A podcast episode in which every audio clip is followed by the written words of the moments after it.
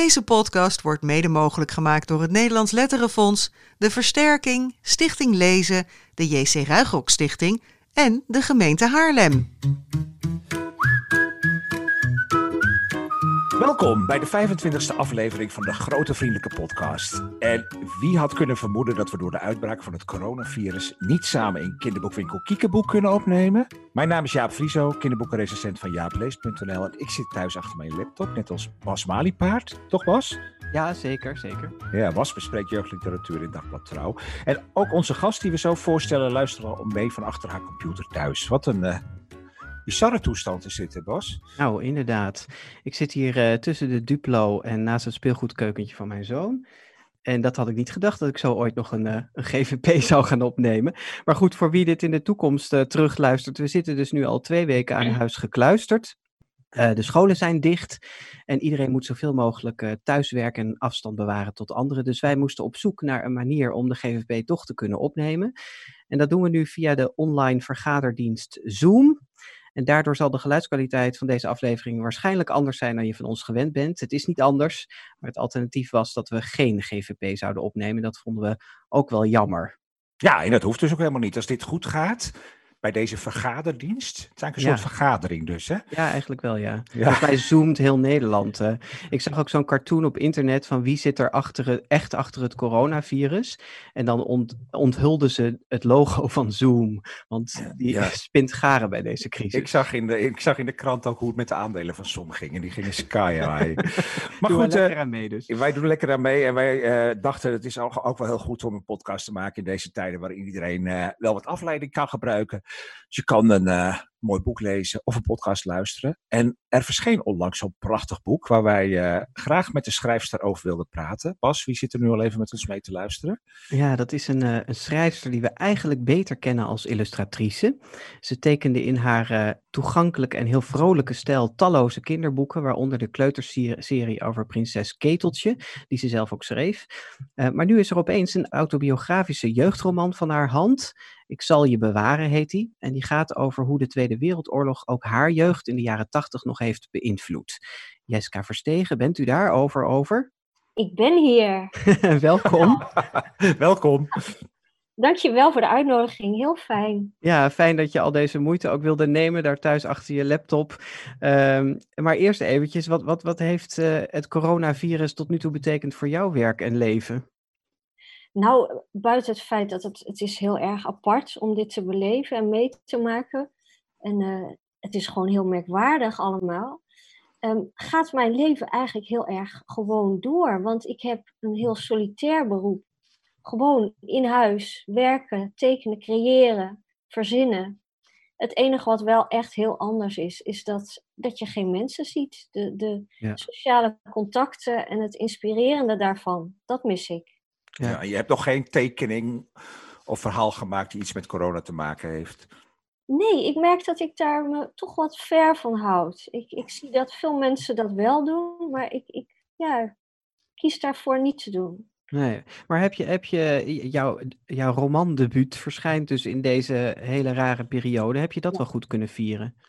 Nee, helemaal niet. Dat is wel heel jammer. Het is ook zo dat eh, het kwam toch wel heel onverwacht voor mij. En het gekke is ook dat dit boek gaat over zwijgen eigenlijk. Hè. Naast dat het inderdaad over die ja, echo gaat die in generaties kan klinken, gaat het ook over zwijgen over een soort trauma, zou je kunnen zeggen.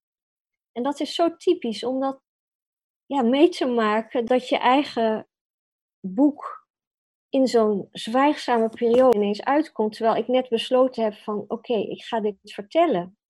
Ja, want, want de stad is stil inderdaad, hè, om je heen. eh. En dat, Ja. dat is echt heel bizar. Ja, er is ook geen boekpresentatie geweest of iets in die sfeer. Helaas niet. Het was wel in de planning een hele bijzondere, met een echt een mooi programma en, en hele mooie mensen die wilden komen en interviewen. En ja, echt heel, heel fijn. Maar helaas is alles ja, afgezegd. Ja, Ja. Of, of opgeschoven, hè? Ja, dat hoop ik. Ja, dat zou heel bijzonder zijn als het op een of andere manier toch nog even gevierd kan worden. Maar dat is Ja. Wij, wij vieren het eh, vandaag dan een beetje in deze podcast. hey, eh, Jeska, wij zeiden tegen elkaar, Jaap en ik, eh Jeska Verstegen doet een Annette Schaapje. Dat is die andere illustratrice die opeens verraste met een jeugdboek. Is die vergelijking al vaker gemaakt? Nou, weet je, eigenlijk niet. Want het is echt, het boek is net uit. Jullie zijn zo razendsnel. Geweldig. En ehm, eh, ja, het is een paar dagen uit. En ik ben nu, krijg ik wat feedback her en der. En dat, dat ontroert me echt. Eh, maar dat soort dingen heb ik nog niet eh, gehoord. Nee. Nou ja, mocht je dan net schaapje doen, dan wacht je nog een hele mooie toekomst. Die won zowat alle prijzen die er waren, maar dat gaan we zien. Wij zijn in ieder geval enthousiast over het boek. Daarom hebben we je natuurlijk ook gevraagd. Ja, en, en, en straks vragen we je ook eh, waarom dit zeer persoonlijke verhaal er precies op dit moment in je leven uit moest. Maar eerst gaan we, zoals altijd, eh, naar drie boeken. We bespreken weer drie boeken. Eh Jeska, luister mee. breek ook in als je er iets over te zeggen hebt. Jaap, waar beginnen we mee? Ja, we beginnen met een, eh, een voorleesboek voor de, de kleinste, voor kinderen vanaf vier jaar. Het heet Slaap je al? En het is, eh, de tekst is geschreven door Anke Kranendonk en de illustraties zijn van een Argentijnse, Anna Sanfilippo. Mij niet bekend en jou ook niet bekend volgens mij. En we hebben begrepen van de uitgever dat zij via eh, Instagram is opgespoord. Nee, dat moet ik even corrigeren, Oh. want dat heb ik inderdaad tegen jou gezegd. Maar Ja. later hoorde ik dat het via een een of ander internationaal illustratorenplatform is geweest. Oké, in ieder geval is ze ergens opgespoord. En dat, eh, het is een boek met eh, een flink aantal voorleesverhaaltjes over het jongetje dat Sam heet. En Sam gaat iedere avond slapen samen met zijn knuffels, met Beer, Vos en Pop. En eh, ieder verhaaltje heeft een beetje hetzelfde soort stramien, waarin vader eh, Sam eh goede avond wenst en wel te wenst. En dan iedere keer is er even dat van, nou wil je nog een zoen? Ja, nou eigenlijk ben je daar al te groot voor. Ach, doe maar. Het eindigt ook iedere keer dat vader weer even in de slaapkamer komt om te kijken of het jongetje al slaapt. En die is dan ook net in slaap gevallen met zijn poppen. En daartussendoor zit iedere keer een klein avontuurtje dat de jongen met zijn poppen beleeft. En dat is vooral in combinatie met de illustraties heel erg eh, bijzonder gedaan. Ieder verhaal begint met een, eh, een grote overzichtsillustratie, eh, waarbij we kunnen aannemen dat er overdag eh, Sam in een bepaalde situatie is geweest. Dus hij, hij was bij de kapper, hij zat wat te eten met zijn vader op een terras. eh, nou, dat soort dingen. En dan lijkt het erop alsof hij dat s'avonds als hij gaat slapen, die dag en die situatie een klein beetje moet verwerken in een soort van rollenspel met zijn poppen. Ja, dat is echt heel leuk gedaan. Ja, dus dan spelen ze eigenlijk een soort spel. Hè? Dan gaan ze eten of hij gaat de dieren temmen. Of eh, nou ja, in, in korte dialoogjes gaan ze eigenlijk met elkaar eh, even iets doen. Dus een, een, een, dan- een dansje bijvoorbeeld. Ja, en, en eh, wat ook grappig is, is dat in elk verhaal speelt het laken wat op zijn bed ligt een, een grote rol. Dat gebruikt hij om een helikopter van te maken of om de restauranttafel te dekken. En datzelfde laken, dat is ehm, eigenlijk ook het stofomslag, want dat hebben ze heel bijzonder gedaan. Dat kunnen ze toch goed bij uitgeverij Godmar. Ehm, het stofomslag is als het ware, nou ja, twee eh, derde van het boek bestrijkt het. eh, als een lakentje. Dus je ziet die, die kinderen, je kunt het er dus afhalen. En dan zie je daaronder die kinderen in bed liggen. En als je het stofomslag eromheen doet, dan eh, zie je alleen hun hoofdjes nog erbovenuit piepen. Ja. Ja, en dat werkt heel leuk. En, en nou, dat verwerken van die dag werkt heel leuk. En, en toch wel heel bijzonder vind ik de illustraties. ze, zijn van deze Anna Sanfilippo. Eh heel realistisch, heel, heel fris en kleurrijk. En, Fris eh, inderdaad, ja. Dat fris, is ja. kleurgebruik. Wat vond jij ervan, Jeska? Eh, ja, ik heb het alleen op internet kunnen zien, want de boekhandels zijn hier in mijn omgeving dicht. Ehm, maar ik vond het erg grappig. De jacket vond ik echt een heel leuk idee. Om dat Ja, halverwege te doen als een deken. Ja. Leuk gevonden. En, en haar stijl, kun je daar iets over, zinnigs over zeggen? Ja, ik vind het altijd moeilijk om over collega's te praten. Maar ik, Ah joh, ze is Argentijnse, dat hoort ze toch. ik, vond, ik vind het heel kleurrijk, zeker wel. ja, ja. Ja, Ja. En wat ik ook wel goed vond, is dat eh, soms is het heel letterlijk, hè, wat hij overdag meemaakt. Dat komt vrij letterlijk terug in het rollenspel met die poppen. En een heel enkele keer is dat wat, wat diffuser. Bijvoorbeeld het verhaaltje Dierentemmer, dat heb ik nu voor me. Daar rent eh, Sam overdag dus op de tekening door de regen. En je ziet hem een beetje angstig naar de lucht kijken. Zo van, nou ja, je, je zou eruit kon- kunnen concluderen dat het heel hard waait en dat er mogelijk onweer klinkt of zo. Eh, en dan gaat hij dat dus verwerken met die poppen in een uh, dierentemspel. Dus dan gaat het opeens over gevaarlijke dieren. Dat is minder één op één um, dat hij de regen en het onweer naspeelt, zeg maar. Maar wel de angst die hij heeft gevoeld overdag, die hij dan uh, vormgeeft op die manier. Ja, ja. ja, het is heel mooi geschreven. De verhaaltjes hebben steeds stelten stramien, maar zijn toch ook iedere keer wel weer anders. Dus er zit heel veel herkenbaarheid in, maar toch ook wel heel veel afwisseling. En uh, wat wij nog tegen elkaar zeiden is dat uh, nou ja, voor, de, voor deze leeftijdsgroep er eigenlijk helemaal niet zoveel nieuwe voorleesverhalen zijn. En daar is dit dan heel geschikt voor. We vallen toch Ja. snel terug op de klassiekers. En uh, nou ja, dit, dit is echt wel een mooie aanvulling daarop. Mag ik op één slakje zout leggen nog? Ik, de, de openingszin van elk verhaal is steeds hetzelfde. Had je een fijne dag, Sam? vraagt papa. Die, die vond ik steeds moeilijk om uit te spreken toen ik het voorlas. Ik, ik zou dan meer hebben gezegd van, heb je een fijne dag gehad, Sam? Maar misschien is dat inderdaad een slakje. Oh ja. Heb je een fijne dag gehad tot het einde van de dag is misschien logisch. Nou goed, een klein slakje. Maar voor de rest een mooi, mooi boek. Slaap Hartstikke je al van gedaan. Anke Ranendok, Anne Verlipo en uitgever bij Godmer.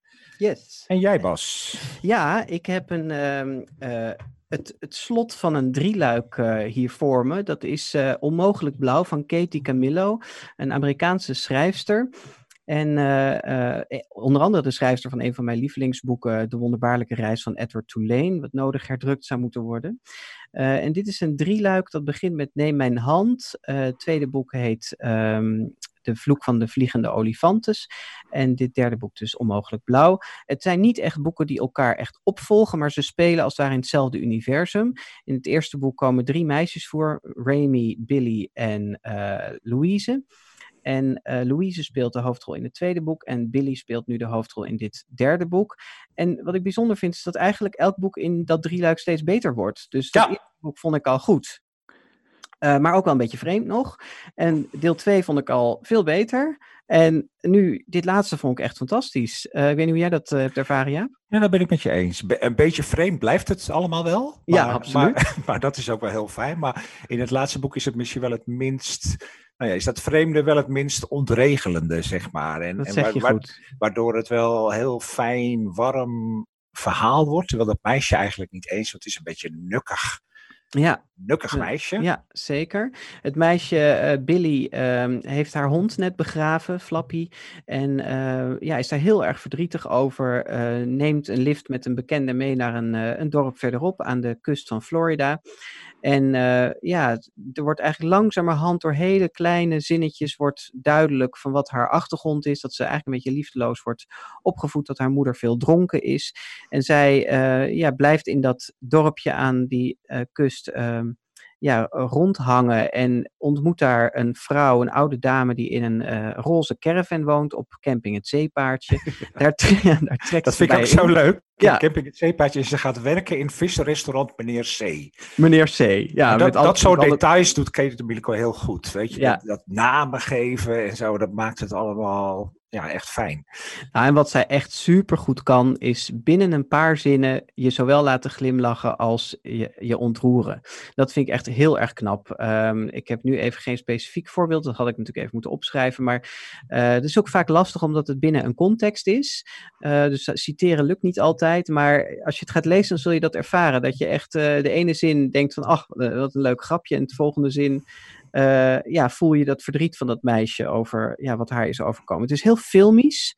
Uh, je, je hebt echt het gevoel, jij, ja, Jaap, jij zei iets van uh, Little Miss Sunshine of dat ja. soort... Ja, van die filmen die een beetje licht aan de zelfkant spelen, zeg maar. Hè? Dus in trailerparken, op campings, uh, met alcoholistische vaders of moeders en zo. En daar, dat heeft dit heel erg. En wat ik zelf echt heel goed aan vind, is de, zijn de karakters in die Ja. boeken. Zij weet zo, hier komt bijvoorbeeld de puistige jongen uit de buurtwinkel, of uit de supermarkt. Die heet Elmer, geloof ik. Ja, Elmer Ja. ook nog. Elmer. Ja, en die Elmer is, ja, vind ik een, geweldig, is een geweldige jongen, door wat hij zegt en wat hij doet. En eigenlijk is, ja, wordt hij niet eens zo vreselijk uitgebreid omschreven, maar Elmer leeft helemaal meteen voor je. Ja, dat, dat kan zij. Gewoon binnen een paar zinnen een karakter helemaal eh, tot leven brengen.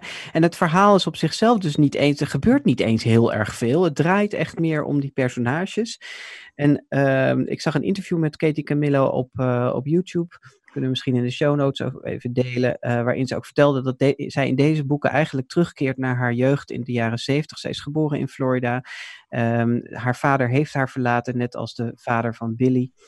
En uh, ja, dat, dus het speelt in de jaren zeventig dus ook. En, en zij, zij weet die sfeer gewoon geweldig goed op te roepen. Maar geeft zij dan ook zelf aan dat het, is het een beetje autobiografisch in die zin ook echt? Nou, volgens mij is ze zo begonnen, maar is het uiteindelijk een heel eigen universum geworden. Oké, ja. Nou, onmogelijk dus, blauw. Ja. ja. dus lees ze vooral alle drie, uh, maar weet dan dat het steeds beter wordt. Ja, ja, maar je kan ook gewoon bij deze beginnen. Absoluut, absoluut. Ja, het boek heet Onmogelijk Blauw en het is vertaald door Harry Pallemans en wij denken vanaf een jaar of veertien, hè? Ja, en we wouden hierbij nog even zeggen, Jaap hadden we van tevoren oh ja. afgesproken dat we de vormgeving zo verschrikkelijk vinden. Uh, we, we, eindigen steeds met een, uh, een negatieve opmerking. Een slakje. Een slakje. Ja, een slakje. Uh, nee, omdat ze echt van die beetje, ja, niks zeggende stokfoto's op de covers. En ja, je hebt drie prachtige boeken in handen als uitgeverij. Laat ze er dan ook echt gewoon waanzinnig mooi uitzien. Ja, en laat ze ook nog iets met elkaar hebben of zo. Weet je, ja. staan wel los van elkaar, maar er staat inderdaad gewoon zo'n foto op met met benen aan het strand waarvan je denkt, ja, het zal wel. Ja, ja precies. Ja, dat is jammer. Ja, ben je er nog, Jeska? Ja hoor. en uh, ik ga die, series halen. Ja, heel goed. dat is de bedoeling ook. Uh, ja, op de laatste. Ja, Lucy Strange, Ons Kasteel aan Zee is het boek. Uh, het is van uitgeverij Godmar ook, waar ook het eerste boek van was. Het is vertaald door Aleid van Ekelen Benders. Dat mag wel even bijgezegd worden, want die doet dat heel goed bij deze boeken. En ja, het is het tweede boek wat ik las van Lucy Strange. Uh, wij waren allebei heel enthousiast over het eerste, hè Bas? Ja, Het Geheim van het Nachtegaalbos. Prachtig boek, heeft ook een vlag en wimpel gewonnen. Waarom was dat zo goed eigenlijk?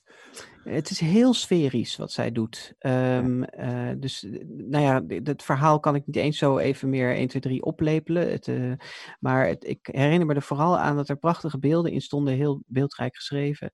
En dat het zo'n pakkende sfeer heeft. Ja, en dat boek eigenlijk lijken beide boeken wel een beetje op elkaar qua sfeer, maar ook wel qua uh, opbouw. Want het gaat beide over een gezin waarin een groot geheim speelt. In dat eerste boek gaat moeder naar de psychiatrische inrichting. Oh ja, dat was het, ja. Ja, en in dit boek speelt aan het begin van de Tweede Wereldoorlog. In dat eerste boek speelde ook de locatie, het huis, het, het huis in het Nachtegalbos een grote rol. Hier gaat het om een vuurtoren, wat ze ons kasteel noemen. Dat vuur, die vuurtoren staat aan de Engelse kust.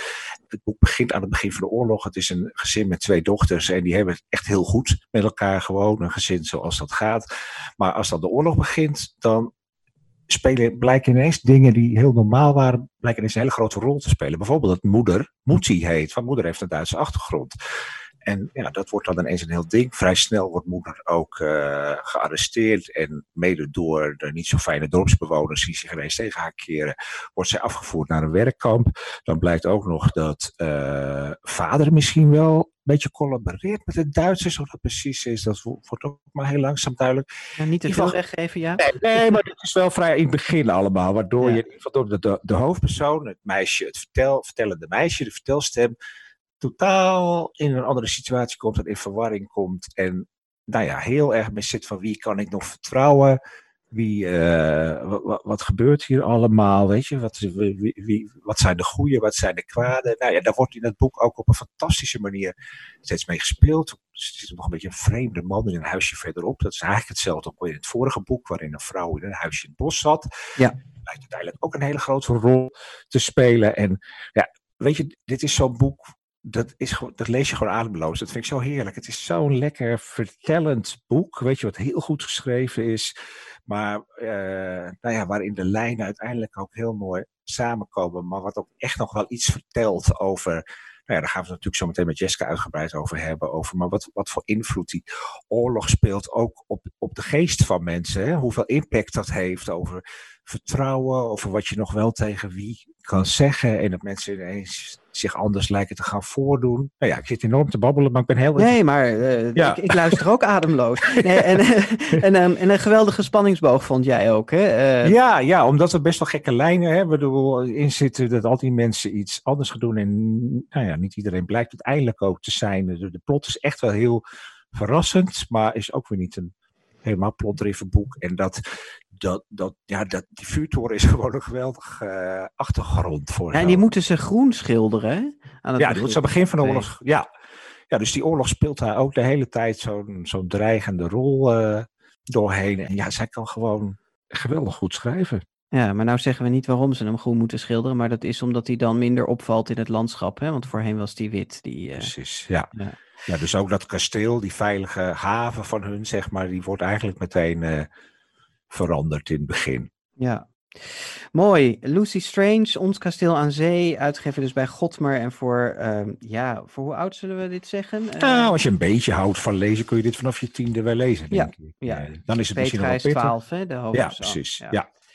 Goed. Zijn we een vertaler vergeten? Volgens mij niet dit keer. Maar mocht dat het geval zijn of een uitgever of andere gegevens, niet getreurd. Want je vindt al deze info op onze website, degodevriendelijkepodcast.nl. En alle boekentips staan ook op een rij op ons Goodreads profiel. Ja, nou, hopelijk zijn we nog steeds in de lucht. Dus Ja. dan gaan we nog lekker door. Jeska, we gaan met jou praten. Dus uh, kom erbij. Jij begon in 1990 uh, te tekenen voor tijdschriften als Libelle en Bobo, maar al snel kwamen er kinderboeken bij. Je illustreerde heel veel boeken en je schreef, was het al, de serie over Prinses Keteltje, maar ook de voorleesbundel Boffertje. En ook publiceerde je gedichten in de serie Querido's Poëzie Spektakel. En nu is er uh, je eerste jeugdroman, Ik zal je bewaren. En dat is meteen wel een heel bijzonder boek, want het gaat over jouzelf. De elfjarige hoofdpersoon heet ook Jeska. En Ja, zo, ja, en zoals wij dat altijd uh, doen, vragen we jou de eerste zin uit het boek voor te lezen. Zou je dat willen doen? Dat wil ik doen. Ik heb hem hier. En dat is: Een school is een soort monster met een buik vol kinderen. Ja, en dat is uh, meteen een zin die laat horen hoe beeldend je schrijft. Heb je dat uh, mee als illustrator, dat je beeldend denkt en dus ook beeldend schrijft? Ja, ik denk dat dat in mijn karakter, in mijn wezen helemaal verweven zit. Altijd kijken en, en ik merk dat je met woorden eigenlijk ook kan tekenen. En dat, dat heb ik gedaan. Oh ja, dat is mooi gezegd, ja. ja. Wist, je, wist je al dat je dat kon? Nou, het leuke is, mijn vader is eh, journalist en later hoofdredacteur. En mijn moeder tekende. En misschien is dat op een leuke, vrolijke manier in mij verenigd. ja, dat is goed bedacht. Ja, maar ik bedoelde met mijn vraag eigenlijk ook dat je nog niet eerder zo'n boek als dit hebt geschreven. Hè? Toch Nee. echt wel een beetje literair boek met, een, met, een, nou ja, met echt een thema. Ik bedoel, ik weet Ja. niet hoe, hoe lang je erover hebt gedaan en of je echt het gevoel had van dit, dit zit ook in mij. Nou, het gekke is wel dat bijvoorbeeld eh, Wintervlinders is een titel waar ik al licht aanschuurde tegen dat gevoel van donkerte en zwart. Die titel moest ik van mezelf, eh, ben ik helemaal met een zwart papier begonnen en daar zeven lagen opgebouwd totdat er kleur kwam. Ehm, in Keteltje, daar moest ik 60 verhalen verzinnen. eh, wat bijna niet anders kan, dat je dan in je eigen geheugen gaat graven.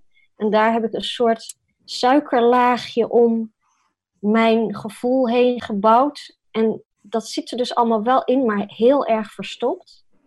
En nu in deze titel, dat was zeven jaar geleden dat ik daarmee eh, dacht van ik moet hier iets mee, want er zit van alles in mij te wringen.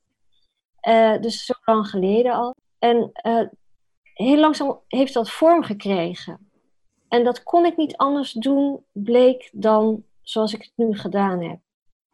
Ja, want het is nadrukkelijk dus een autobiografisch boek. Eh, kun je zeggen welk verhaal eh, wrong er in jou? Wat wilde je vertellen? Nou, het, het is zo dat, ehm, ik kan je misschien vertellen dat de werktitel was Echo. Eh, en dat was voor mij een belangrijke titel in die zin dat ik heel erg voelde dat je in generaties kan denken en die maken iets mee. En dan komt het in de volgende generatie terug, omdat je door, als je iets zo heftigs meegemaakt hebt, word je um, ja, daardoor gevormd. Eh, er ontstaan gevoelens waardoor je die door gaat geven aan de generatie na jou, de kinderen. Dat zat in mij te wringen, dat je, ehm, ja, ik, ik heb een aparte jeugd gehad, zou je kunnen zeggen. Want misschien kun je daar even kort iets over vertellen voor mensen die het boek niet hebben gelezen. Jouw moeder speelt daar een belangrijke rol in. De Ja. Tweede Wereldoorlog speelt daar een belangrijke rol in. Klopt, ja. Mijn eh, oma, die, die, die ging later, eh, die is Amsterdam wilde ze uit, is in Antwerpen gaan wonen. Ehm, en die noemden we daarom Bomma. En Bomma heeft de oorlog meegemaakt als Joodse vrouw in Amsterdam. En ehm, mijn moeder dus ook, maar die was natuurlijk heel klein. Ze deden verder eigenlijk geen, eh, niet beleidend zeggen ze dan, maar gewoon, ze waren wel Joods. En de hele familie is weggehaald buiten Bomma. En dat, dat, ja, dat kunnen de luisteraars misschien ook wel voorstellen. Dat heeft zo'n impact op een mens. Dat, uh, daar komen allerlei emoties bij kijken. Um, vooral valt mij dus op als je niet spreekt erover, als je gaat zwijgen. En dat is wat mijn moeder gedaan heeft. Die heeft, uh, denk ik, zeer zij leeft niet meer trouwens, uh, zeer ingewikkelde gevoelens gekregen. Heeft dat niet kunnen verwoorden of willen verwoorden. En ik denk dat dat haar zeer dwars gezeten heeft. Ja, en heeft dat ook, hoe was de relatie tussen jouw oma en je moeder? Praatte jouw oma, er, jouw bomma, praten die er ook niet over? Praten zij er samen niet over? Ik denk dat daar ook veel gezwegen werd. Ik denk dat met de oudste broer van mijn moeder, dat daar wel gesprekken geweest zijn. Ik heb hem ook geïnterviewd en die zei dat ook. Um, Dolf heet, hij. En, um, maar ik denk dat het gewoon echt heel zwaar werd voor ook Bomma zelf. Want zij had Parkinson, daarvoor hele zware medicatie en ging hallucineren. En dat ging vaak over het weghalen van haar zussen en de kinderen van haar zus. Ja, dus het is echt een enorm beladen onderwerp geworden, ook waarschijnlijk tussen jouw bomma en jouw moeder al. En jouw moeder heeft daar op een hele eigen manier weer, is, is ze daar weer mee omgegaan, wat weer effect heeft op jou. Ja, uh, de hoofdpersoon uh, in het boek heet dus ook echt Jeska en ja. de rest van je familie noem je ook bij hun echte namen. Waarom heb je daarvoor gekozen? Je had het ook iets kunnen fictionaliseren door ze andere namen te geven, had misschien meer vrijheid geboden. Ja, dat heb ik dus eerst gedaan. En toen merkte ik dat er afstand kwam. En het viel me op dat ik een soort, echt een soort een drang had om het gewoon eerlijk op te schrijven. En ook geen spannend avontuur van willen te maken, maar dat het een, bijna een soort psychologische vertelling werd. En daardoor moest ik eerlijk zijn en dacht ik, uh, ik moet ook mijn echte naam gebruiken. Daar heb ik erg over getwijfeld overigens, maar hele lieve mensen naast mij hebben gezegd van durf het. Durf het zo. En want jouw vader en jouw zus, die komen natuurlijk ook voor in het boek en die leven nog wel, neem ik aan. Ja. Um, um, hoe hebben zij daarop gereageerd dan? Waren dat die lieve mensen naast jou? En nou, ze zijn zeer betrokken geweest. Uh, uh, dit zijn niet, ik had niet met hun uh, deze gesprekken over het boek en de inhoud. Um, maar ik heb het hun laten lezen en zij re reageerden heel mooi. Wat is mooi? Nou, begripvol, um, ontroerd natuurlijk. Uh, want er wordt een sfeer opgeroepen in het boek die heel beklemmend is. Wat trouwens heel moeilijk is om dat in tekst te vangen, vond ik. Hoe heb, je, uh, hoe heb je dat bewerkstelligd dan? Uh, kun je daar ja, door het heel zeggen? klein te houden en heel erg in te zoomen op mijn eigen gevoel in plaats van de hele wereld. En um, op een gegeven moment doe je hele normale dingen, zoals bijvoorbeeld met een bal spelen of zo.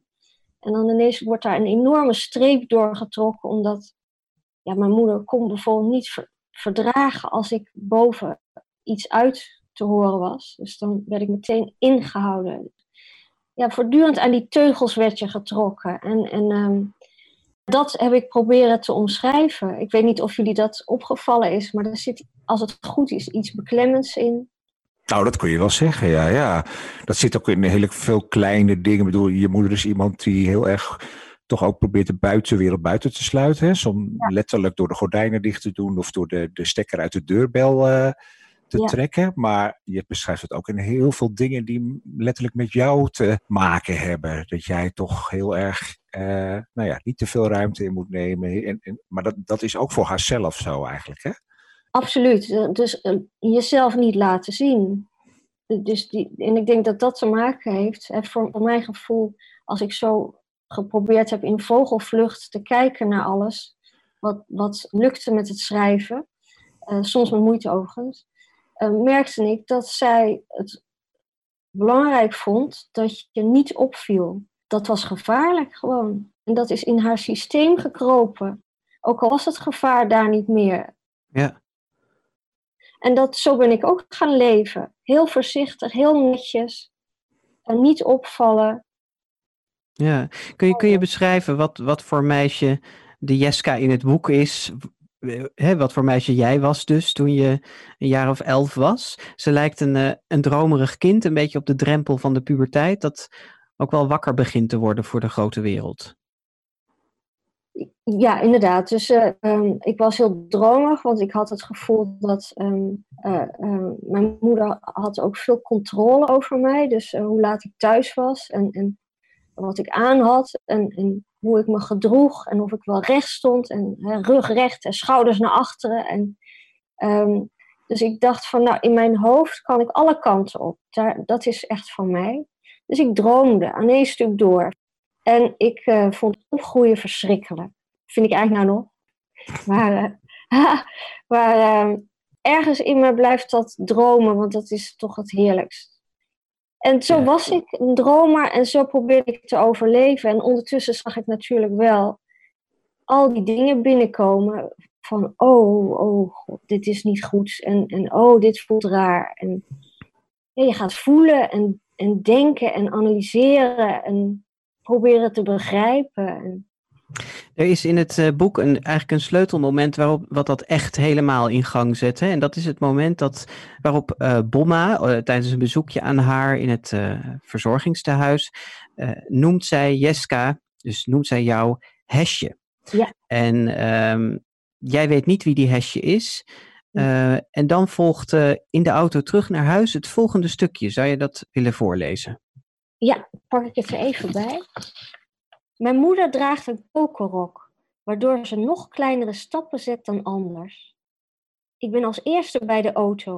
Mama opent de portier. Wie is Hesje? vraag ik als ze de motor gestart heeft. Mijn moeder slikt. Langzaam antwoordt ze. Hesje is iemand van vroeger, van lang geleden. Maar wie is dat dan? Ze is er niet meer, dat is niet interessant voor jou. Mijn moeder zet haar kaken op elkaar. Ik zie de spieren in haar wang verstarren, onwrikbaar. Het heeft geen zin om verder te vragen. Ik ken het van haar. Ze sluit zich af als een oester. Geen woord zal er meer over gesproken worden. Gelukkig duurt de rit kort, een dropje lang. Ja, mooi. Ja. Ja, goed. Ze, ze houdt dus letterlijk en figuurlijk de kaken stijf op elkaar als het om het verleden gaat. Hè? Ja. Uh, Jaap die noemde net al een paar elementen waarin je moeder zich anders gedroeg dan andere moeders. Um, zijn er nog meer dingen over te zeggen van wat, waarin zij echt, nou ja, in, in relatie tot wat zij verborg of wat ze bij zich hield, anders gedroeg? Nou, ik, ik denk dat ze heel erg, um, en dat herken ik dus zelf ook, uh, wantrouwen, uh, moeilijk vertrouwen, uh, weinig mensen om zich heen, um, moeilijk in groepen kunnen zijn. Um, ja, jezelf als het ware verschuilen. Dus, dus geleerd in de oorlog om, om op te passen. En dat voor altijd te blijven doen. En dat is wat zij had. En, um, maar ze probeerde wel, en dat, dat vind ik ook wel goed om te zeggen. Dat, uh, het was een hele intelligente vrouw. Dus uh, ze, ze, via de literatuur en zo bewoog zij in, in een wereld waar zij ook zich prettig kon voelen. Ja, er komt ook een moment in het, uh, in het verhaal voor, als je het over die literatuur hebt, dat er op school uh, Oorlogswinter van Jan Terlouw voorgelezen wordt. En ja. wat gebeurt er dan? Nou, dat, dat vond ze niet fijn dat ik dat verhaal hoorde, want ze wilde eigenlijk al het nare voor mij weghouden. Ik denk dat ze daarom ook zo uh, ja, zei, je moet, uh, hè, als ik om, om zes uur of half zes thuis moest zijn, dan moest ik klokzacht binnen zijn, want anders was het ellende. En um, ja, een soort controle willen hebben. Maar dan helemaal als het over die Tweede Wereldoorlog ging. Hè? Dan wordt er ineens oorlogswinter voorgelezen. Dat kwam natuurlijk ja. hard binnen ja, en gewoon liever niet. En toen ben ik in de, ja, de wc's moeten gaan zitten bij dat, ja, bij dat gebouw. Dat was een noodgebouwtje, notabene, weet ik nog. En daar ja. zat ik dan. En je werd, dus, ja, je werd dus uit de klas gestuurd op het moment dat meester ging voorlezen? Ja, dus je, dan kon je beter even gaan. Ja. En, en hoe was dat voor jou? Begreep je daar iets van? Daar schrijf je in het boek natuurlijk ook wel over. Nou, dat is zo. Kijk, ik, ik begreep toen helemaal niks. Ik, en, dat, ik, ik begreep niks nog van het Joods zijn. Ik begreep, ik begreep het gewoon niet, hoe dat zat. En wat dat betekende, betekende. En zeker niet voor haar en voor de familie. En, dus je ondergaat dingen. En ik was, ja, je bent zoals je als kind bent, volg je gewoon de wensen van je moeder wel op. En dat heb ik tot, tot heel lang gedaan, merk ik. Dus, ehm, ja, laten we dan zo even gaan praten over hoe je daar uiteindelijk onderzoek naar, naar bent gaan doen. Maar waar ik nog heel benieuwd naar ben, is: het lijkt me heel ingewikkeld om over jouw moeder te schrijven. Want ze heeft in zekere zin gewoon echt onaangename kanten. Maar je voelt ook gewoon de, de tragiek en nou, de beschermingsmechanismen in haar. Heb je daar echt mee geworsteld om je moeder neer te zetten? Ik vond dat heel moeilijk, maar ik vond, ik, heb met zeer veel respect ook naar haar gekeken. En dat heb ik geprobeerd in dit boek door echt te observeren, gade te slaan en niet te oordelen. Daar heb ik echt mijn best op gedaan. Want dat deed ik als kind ook niet. Je, je begrijpt het niet. En als je iets niet begrijpt, zit er geen oordeel eigenlijk in. En je kan er verdrietig van zijn, dat wel. Maar omdat het je moeder is, heb je ook het vertrouwen van er is iets, maar wat? Moment word ik, hè, dat is ook in het boek, dan door wanhoop word ik wel boos. Ehm, en zelfs dat had ze liever niet, want dat valt ook op natuurlijk. Ja, ja het is, het is een, een heel ja, vreemd verhaal eigenlijk. Uh, ja.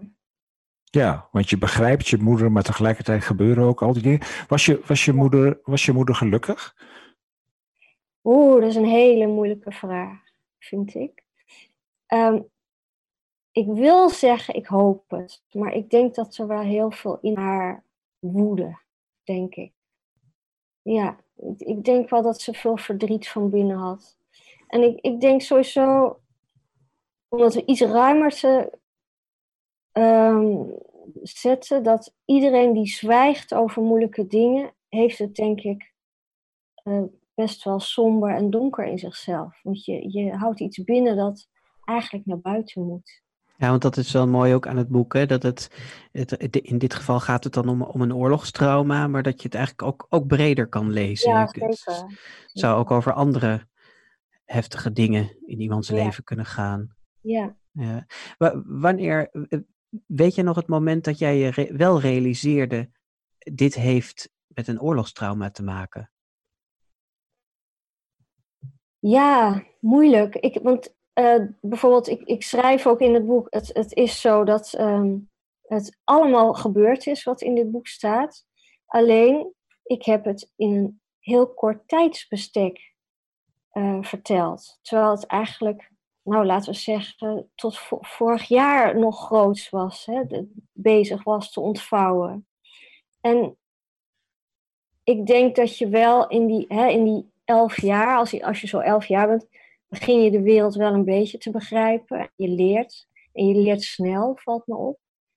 Ehm, dat ik wel door had van. Het heeft met oorlog te maken en zo. En maar de impact dat dat heeft op iemand. Ja, dat is heel gradueel gekomen, denk ik. Dus heel kleine druppeltjes vallen op zijn plek. En, en dan bevroed je ineens van. Oh, maar dat ze die gordijnen altijd dicht deed. Oh, dat komt natuurlijk daardoor. En Hè, dus sommige dingen die zo gewoon zijn voor, voor je, worden ineens in een ander licht komen. Ja, en kun je zeggen dat je dan door het schrijven van dit boek je moeder beter bent gaan begrijpen? Absoluut, ja. Gewoon echt, echt ja, ja, ja. dat is waar. Ja, en, en dat was ook echt ontroerend. En dat kwam omdat ik dus probeerde die vogelvlucht, eh, die helikopterview te krijgen. Dat moet, omdat je je ook moet inleven in de ander. En dan ga je inderdaad meer begrip, begrip hebben en je gaat, uh, ja, je wordt wat milder ook. En, en, wat, wat, was het, wat was de belangrijkste, uh, het belangrijkste ding wat je hebt ontdekt eigenlijk over je moeder of wat je hebt nou ja, doorvoeld of begrepen tijdens het schrijven? Ik denk dat het besef heel duidelijk kwam hoe verdrietig het was. Ja, dat denk ik. En uh, dat ze iets met zich meegesleurd heeft, haar hele leven lang. Dat toch wel erg dicht richting angst ging, denk ik. Iets wat ze in zich droeg. En ik had daar een, een, een heerlijk vol leven gegund, maar ik denk dat ze dat ja, niet helemaal heeft kunnen uitleven, zeg maar. Ja. Nee, en het, het, boek gaat natuurlijk over, nee, over haar, maar ook over jou, hè, over die tweede en derde generatie. Heb je in die zin je, jezelf ook beter leren begrijpen? Ja, want ik, ik merk dat ehm, ik een soort acceptatie kreeg van, goh, ehm, mijn moeder heeft het moeilijk gehad. En ehm, daardoor heb ik dingen ook anders aangeleerd. Die, die misschien iets uh, wat uh, geforceerd en moeilijk was, toch? Ja, dat, dat je dingen, um, ja, dat je zelf ook iets angstigs hebt, denk ik. Ja, maar is, is het schrijven daarmee ook bijna een beetje een therapeutisch proces geweest? Ja, ik denk dat, dat ik dat toch wel kan zeggen, ja. Ja, ja en, en door die herkenning dus en, en dat besef van ik moet praten, um, uh, daar heeft mijn lief ook heel erg bij geholpen. Dat je dan heel erg gaat zeggen van uh, praat, zeg wat, je, wat er nou gebeurt in je. Um, ja, dat kan ik echt ook iedereen aanraden. Praat in godsnaam. ik merk gewoon dat dat zo oplucht en je leert van jezelf. Je leert als je feedback krijgt van mensen die je vertrouwt. Oh, ach ja, zo kan je dat ook zien. En, en dat heb ik allemaal geleerd door het ten tijde van het schrijven van dit boek.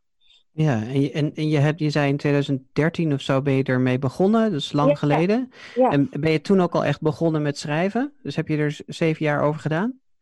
Nou, dat was heel. Kijk, je begint met dus een, een plan. Ik wil daar iets mee doen. Dan moet je er een vorm voor gaan kiezen. En toen ben ik eerst, ging ik uh, in de verleden tijd schrijven bijvoorbeeld. En dan ga je denken van, nou, ik wil het veel dichter bij mij. Ik wil de ik-vorm. Um, en toen dacht ik, ik wil... In heel veel boeken heb je een, een, een vriendin of zo. Als tegen eh, als klankbord dat je dingen kan gaan uitleggen als auteur via die weg. Ja. Maar dat wilde ik eigenlijk niet. Want uh, ik was gewoon een heel eenzaam, stil kind. Dus dat wilde ik um, ook echt houden zoals het was. En toen moest ik ineens denken aan, er was inderdaad een aanloopkat uh, bij ons. En um, nou, daar ging ik mee knuffelen en praten. En, en daar had ik een verwantschap mee. Ik dacht, ach, hij moet erin. Nou, en dat hele proces, dat heeft een, paar jaar geduurd. En toen kreeg ik um, ineens een, een subsidie voor dit boek. En toen kreeg ik de geweldige mogelijkheid om met volle aandacht hier aan te werken en te schrijven. En toen is het heel snel gegaan. Ja, eh, want, want die kat die je net noemt, hè, die, die, Moos heet die in het boek, die komt ook echt in aparte hoofdstukjes steeds door het hele boek heen terug. Ja. Hè? Ja. Hey, um, even terug naar het personage dan, Jeska. Haar vader is journalist jouw vader was journalist. Ja. En um, je besluit dan aan de hand van de vijf W's en de H, wie, wat, waar, waarom, wanneer en hoe, die ik ook nog heb geleerd op de school. Ik ook, Bas, hebben wij geleerd op school. ja, ja, zeker. Uh, maar besluit aan de hand van die uh, vijf W's en de H op zoek te gaan naar de antwoorden op de vraag wie is Hesje. Uh, ja. pakte, je, pakte je dit ook echt zo aan? Nou, dat was inderdaad een beetje gewoon een leidraad voor, de, uh, voor, voor, de schrijf, voor het schrijven, maar ook voor de lezer um, iets minder praktisch. Dus ik, ik vertelde net dat ik mijn hele leven gedaan heb over dat in kaart brengen hoe het nou zat. Uh, dat kan je heel moeilijk anders uh, in een vorm gieten. Dus, ja, um, ja dus wat, wat Jeska in het boek die besluit, dat vind ik heel mooi op een gegeven moment. Van, ik ga echt onderzoek doen. Dan noemt ze zichzelf ook een onderzoeksjournalist in pyjama. Hè? Ja, ja, ja. Ja. ja. En dan, uh, nou ja, dan gaat ze op een gegeven moment, misschien kan je dat stuk voorlezen, want dat is heel mooi, dat ze een stuk afluistert, zeg maar, van wat haar ouders... Uh, en dat, ja. dat, dan komt ze meteen in een soort ethisch dilemma als journalist. Hè? Dan mag je nou, de, het is niet tussen haar ouders. Hè? Het is, uh, de nee. moeder, moeder belt met oma. Of oh ja, ja, mijn vader zat er ook bij, dacht ik. Ja, ja. ja, ja. Klopt, ja, het is dus midden in de nacht en dan gaat de telefoon en dan uh, heeft dan zo'n hallucinatie. Durf ik af te luisteren? Ja, natuurlijk. Ik ben toch een journalist die antwoorden zoekt. Ik sta op en open zo zacht mogelijk de deur. Ik sluip over de overloop. en kijk over de reling de eetkamer in. Onder de trap staat de telefoon. Als ik op de bovenste trede ga zitten en ik steek mijn hoofd door de spijlen, kan ik mijn moeder net zien. Ik luister.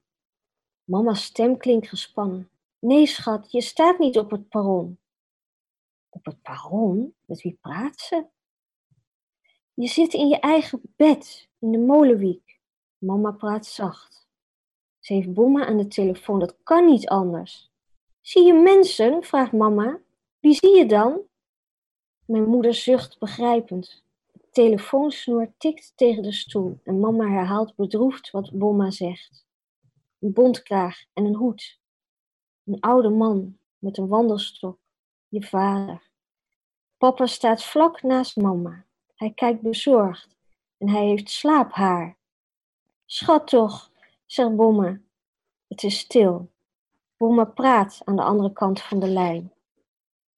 Een jonge vrouw met een klein meisje, herhaalt moeder. Ik hoor de tranen in haar stem. Het gebeurt niet nu echt. Lief heus, jullie hoeven niet naar Westerbork. Ik ben de trap afgedaald. Ik vergeet dat ik sluipen moet. Moeder, zegt mama, je bent veilig en je zus, haar kinderen en haar vader en moeder zijn er niet. Ze komen je niet halen, echt. Je bent in je kamer, ik ben vlakbij. Mama kijkt wanhopig naar pap. Hij knikt. Ik kom wel even, zegt mama. Ik ben zo bij je. Met een trillende hand legt ze de horen neer. Tja, hier kan ik tranen van in mijn ogen krijgen. Ja. Ja, het is echt zo gebeurd ook.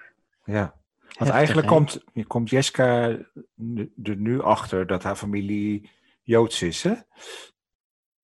Eh, nou, ik, ik begin inderdaad eh, te beseffen door, eh, eh, dat er inderdaad iets helemaal mis is. Ik heb dan nog niet helemaal door wat Westerbork is, bijvoorbeeld. Nee. Maar dat komt gaandeweg.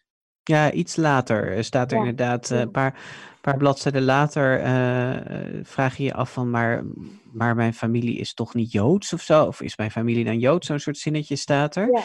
Maar de, de, eh, in elk geval wist je er tot dan toe niets van. Hoe heb je dat ervaren, dat dat stuk van je identiteit eigenlijk pas zo laat, ja, dat je dat zo, zo laat zelf hebt moeten ontdekken? Nou ja, het, het gekke is dat ik was nog veel, veel ouder. Want ehm, als het heel af en toe, heel enkel keertje kwam het ineens ter, sprake. En zei mijn moeder, je bent niet Joods.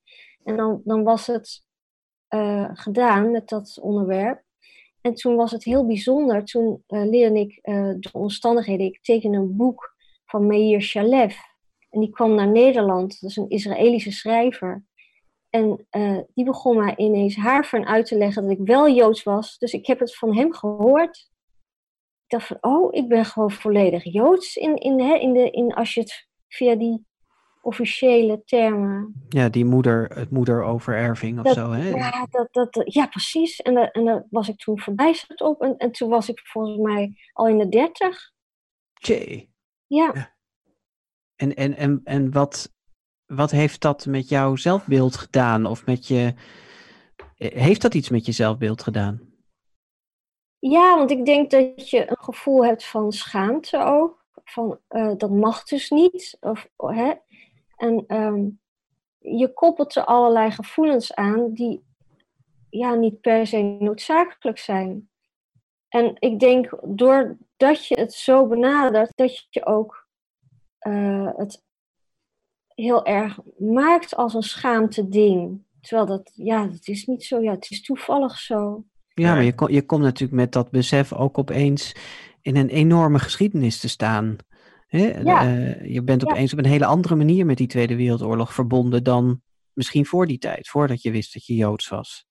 Ja, en tegelijkertijd, kijk, je hebt toch wel door hè, dat het. eh, hè, intussen wist ik toen wel dat, ik, dat de familie weg was en hoeveel verdriet daarover was. En, Ja. Dus je voelt wel heel duidelijk van: oh jee, ehm, ja, je mocht er eigenlijk niet zijn. Hè, er, is een, een moment in de geschiedenis geweest dat, je, dat ze liever hadden dat je weg was. En dat soort dingen spelen wel een rol.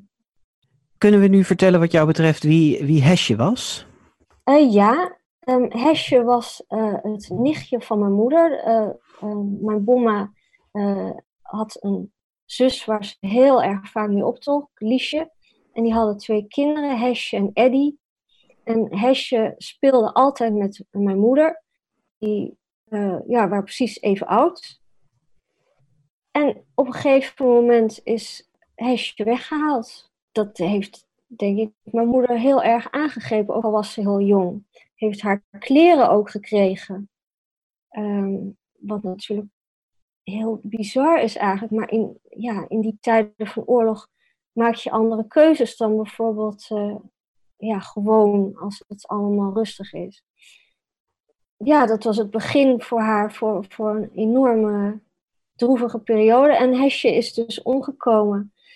En tot mijn stomme verbazing kwam ineens twee jaar geleden um, een, ja, door iemand uit Israël, um, Alice Cohen Perare, volgens mij heet ze, uh, vriend van uh, Dolf, de oudste broer van mijn moeder. Een vriendin, moet ik eigenlijk zeggen. En die heeft een filmpje gevonden van Hesje. Dus dat staat ook in het boek. Ja, achterin hè, heb je daarnaar verwezen. Ja, verbijsterend was. Ik was dus bezig met dit boek te schrijven. En ineens komt een bewegend beeld. Nou, ik, ik wist niet wat me overkwam, echt niet hoor. En wat is er te zien op het filmpje? Ja, een schat van een kind. Kind te zijn. Ja. En dan ineens dat je, dat je doordringt dat ze een maand later er niet meer is. Door afschuwelijke omstandigheden. Ja, het krijgt, ze krijgt echt een gezicht ineens. Heel, heel typisch. Ja, hebben jullie het gekeken? Of Jazeker. Ja. ja, ik heb het ook gezien. Ja. We zullen het ook even linken op de, in de show notes bij deze aflevering. Maar het staat ook achterin uh, jouw boek, uh, de link naar het Ja. filmpje. Ja, en dan is... is- er nog iets. eh, mag ik even, Bas? Ja, niet? natuurlijk. Ja. Nou, dat, dat eh, hoeven we niet heel uitgebreid over te hebben, maar wat toch wel merkwaardig is, dit boek is uitgegeven bij, eh bij uitgeverij Querido. En Emmanuel Querido, moet ik dan Querido of Querido zeggen? Ja, querido, hè. Oké, ja, Kerido. Dus. Querido. querido, hè. Ah, Oké, maar waar het om gaat, Jessica, de, de oprichter van uitgeverij Querido, Emmanuel Querido, is familie van je oma. Ja, Ja, en ineens Ja. zit je bij deze uitgeverij. ja. Dat is, dat is ja, gewoon zo gelopen. Ehm, en ja, ik heb ook nooit in al die jaren dat ik daarmee bezig was, daar een, een punt van gemaakt. Dat, dat was gewoon zo voor mij. Eh, maar dit kwam wonderwel bij elkaar. Dat was heel, heel speciaal. Dacht je wel, ik moest bij deze, moet echt bij deze uitgeverij zijn met dit boek? Nee, dat is echt zo ontstaan. En ehm, ik kreeg toen contact met Dick. Redacteur, hè? Dick Zweekhorst. En hij begreep zo fantastisch wat ik bedoelde te zeggen met dit verhaal. Dat hij had daar een, een zeer fijnzinnig gevoel eh, voor. Ja. Ja. Dat is Mooi. een geweldige samenwerking. Hey, Ja. ik, eh, eh, Jaap, eh, wij kunnen elkaar nu even niet zien, dus, maar ik denk zo'n beetje al tot slot, toch? Ja, maar ik denk dat we nog twee dingen even moeten bespreken. De, Ja. de, de cover en de rest van je carrière. Dat doen we even in een minuut. In één minuut, Jessica, zet hem op. Nee, ehm, nou ja, wat ons opviel is dat je hebt de cover-illustratie eh, van dit boek ook zelf gemaakt. En wij kennen jou natuurlijk al een hele tijd, al jaren als illustrator. Ehm, maar dat het zo'n heel andere stijl is dan we tot nu toe in de kinderboeken althans eh, van jou vooral gezien hebben. Hè? Die is heel vlot, vrolijk, toegankelijk. En dit is een hele ja, verstilde, dromerige sfeer. eh, ook een andere techniek die je laat zien. Ja. Ehm, eh, hoe komt het dat we die nu pas zien, die kant van jou? Ja, dat is, dat is echt zo. Dat weet ik eigenlijk niet. Het, het gekke is dat ik al die stijlen. eh, ik vind het heel leuk om te ontdekken. En ehm, ik ben de laatste twee jaar ben ik veel donkerder gaan werken. Waardoor je ook in een andere hoek opdrachten gaat krijgen. En ehm, ehm, ik denk zoals dit verhaal rijp was om te ontstaan, is ook deze nieuwe beeldvorm rijp om te ontstaan. En, en ehm, ik, ik wil dolgraag hiermee verder. En, en ook die, ja, net als ieder mens heb ik ook gewoon een moeilijke, eh, ja, wat donkere kant in mezelf. En dat zou ik wel graag meer vormgeven. Ja. Nou, dat, dat was één minuut toch, Jaap? Ja, nou denken mensen misschien dat het een hele sombere omslag is, maar dat valt ook Nee, wel. nee, nee, maar ik, ik kan ook vertellen, want ik, ik, het, het, het gaat over ik zal je bewaren en, en dat slaat op herinneren ook. En ik weet niet of ik dat mag verklappen, maar helemaal aan het eind vraag ik me af hoe die kamer in je hoofd eruit ziet, waar je herinneringen, mooie herinneringen bewaart. En dan stel ik me voor dat er koninklijk blauw behang is. En daarom zie je aan, hè, als het meisje de deur opent, een rode gloed, omdat het in een hoofd is eigenlijk, een Ja, kamer op, in even, even wachten nog, Jessica, want dit gaat misschien te snel. Op de cover zie je dus inderdaad, je bent als, als kijker, als lezer in die blauwe kamer op de cover. En de deur gaat een, op een kier open en daar piept het hoofd van een meisje eh, eh, doorheen. En op, eh, ja, in die spleet, in die kier, zie je dus wat rood licht op de achtergrond. Ja, en Ja. je ziet een herinnering. Ja, Nou, het, het valt allemaal op zijn plek ook voor mij. Dat had ik er allemaal nog niet in gezien. Maar eh, dat moeten mensen vooral maar gaan bekijken. Hè. Hey, tot slot, Jeska. eh, je zegt van ik wil wel qua tekenen in, in, in deze stijl eh, verder en me daarin ontwikkelen. Hoe geldt dat voor het schrijven? Dit, het is duidelijk dat dit verhaal eruit moest. Maar liggen er nog meer van die verhalen te rijpen? Of hoe zie je dat zelf? Ik heb nu alweer nieuwe ideeën. Ja, ik wil heel graag hiermee verder. Ik vond het een, een heel fijn en bijzonder proces om te mogen schrijven. En wat ik aan het begin zei, een, een nieuwe vorm van, eh, ja, bijna een palet, een kleurpalet heb ik erbij gekregen. En eh, ik voel me er heel erg in thuis. Dus ik hoop eh, dat het meer mag gebeuren. Nou, dat, eh, dat hopen wij ook. Eh, ga vooral zo door, zegt meester Bas dan. Eh, wat, wat voor cijfer had jij gegeven, meester Jaap? Of heb je recensie nog niet De gepubliceerd? recensie is nog niet gepubliceerd en dat twijfel ik nog. Dat, mag ik dat nog even in het midden houden? Maar Dat- het, ja. het, het is een ruime, ruime, ruime. Je zou er zeker mee overgaan, zeg maar. Nou, en ik, ik schreef al in de krant eh, over je boek. En het is, een, eh, het is een fantastisch mooi boek. Heel, heel aangrijpend. En ik hoop dat eh, veel luisteraars het gaan lezen. Straks horen we graag nog de laatste zin uit je boek. Maar eerst gaan we naar. grote vriendelijke parel. Ja, Jeska, wij dachten, eh Jaap en ik, misschien zet je Oorlogswinter wel van Jan Terlouw wel op de plank, omdat het dus voorkomt in je boek. Of het dagboek van Anne Frank, wat Jeska in het boek ook aan het lezen is. Maar je koos voor een andere titel die juist heel terloops in je boek voorkomt. Ja, Winnie de Pooh. Ja, de Ja. Titel? Ehm, nou, nou ligt het boek net uit mijn bereik. Dus eh, misschien kan je even helpen hoe, hoe de hele volledige titel ook alweer was. Het is in het Nederlands is het Het Huis in het Poehoekje. Ja, The House on Pooh Corner, denk ik. ja, zoiets is het, hè? Ja, Ja, en eh, Winnie de Pooh is, is me zeer dierbaar. Ehm, werd mij altijd in het Engels voorgelezen. Hoe komt dat zo? Mijn familie is heel erg eh, Engels georiënteerd, zowel mijn bomma als mijn moeder. Ik leerde ook vroeger stukken Shakespeare uit mijn hoofd en zo. Door hun. Je werd, eh, net als in het boek, door Bomma voorgelezen uit eh, Het Huis in het Poehoekje, maar dan de Engelse versie van E.E. Milne dus. Ja, de Ehm, echte, ja. ja. en het verscheen in Prachtige 19... illustraties van Shepard. Ja, het verscheen in 1928. Het is alleen nog tweedehands verkrijgbaar, zag ik in een uitgave van Van Goor. Kun je nog heel kort beschrijven wat je er zo geweldig aan vindt, aan Winnie de Pooh? Ik denk dat Winnie de Pooh is een wijze beer. Echt waar. Er zitten filosofische gedachten in. Er zitten kleine, lieve gedachten in. Heel mooi. Ja, ja absoluut. Nou, is. Goed, Jessica. We gaan afronden. Ja. Ehm, ik vraag jij nog even de laatste zin voor te lezen. En dat doe ik heel graag, want die gaat over ons beide Ja. lievelingsdier. Ja. Bijna zo stil als een kat. Bijna zo stil als een kat. Ja, en zo sloop het verhaal van jouw moeders verleden of van jouw familieverleden ook door jouw leven heen hè, in je jeugd. Ja. Ja. Dankjewel Jeska, eh, dat je op deze ongebruikelijke manier toch te gast wilde zijn eh, in de GVP. Het ging volgens mij redelijk goed. Je klonk af en toe als een robotje in mijn oren. Ehm, eh, af en toe viel er hier en daar even wat weg, maar ik denk dat het voor eh, de luisteraar helemaal goed te volgen is. Het verhaal is zo indrukwekkend dat ik denk, als je gewoon goed luistert, het verhaal echt wel binnenkomt. eh. Oh, gelukkig. Dat, ik wil jullie dat- heel hartelijk bedanken. Ik vond het heel, heel bijzonder. Nou, eh, eh, jij bedankt dus. Eh, ik zal je bewaren is verschenen bij Kerido. En we zullen proberen om vanaf nu ook echt Kerido te zeggen. Gaat vast niet lukken. Nou ja. Ehm, Nou ja, en als over zeven jaar je nieuwe boek verschijnt, dan hopen we je echt live in de boekhandel te mogen ontmoeten. Ja, Eh, ja. Ehm, als luisteraar kun je ook een review geven op deze uitzending. Kan vooral in iTunes. Dat helpt ons om nieuwe luisteraars te vinden. En eh, reageren op deze aflevering kan via Facebook, Twitter, Instagram of Goodreads onder de hashtag of eh, het streepje GV Podcast. En wat ik eigenlijk nog wel even wil zeggen, Bas, is het is natuurlijk een moeilijke tijd voor de boekhandel. We zitten nu ook niet in de boekhandel. Dus mensen, blijf vooral boeken kopen.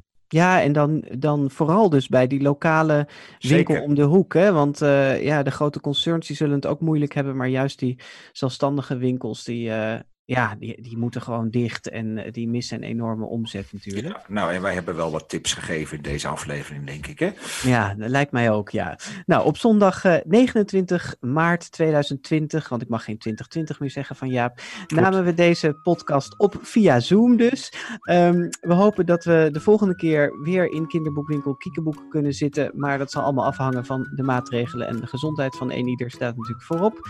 Extra veel dank dit keer aan onze technicus Mark Brouwer, die ook ergens op afstand zit mee te luisteren. Ja, Mark. Ja, Ja. eh, luisteraars, blijf alsjeblieft gezond. Ehm, eind april zijn we er weer, op welke manier dan ook. Tot dan. Tot dan.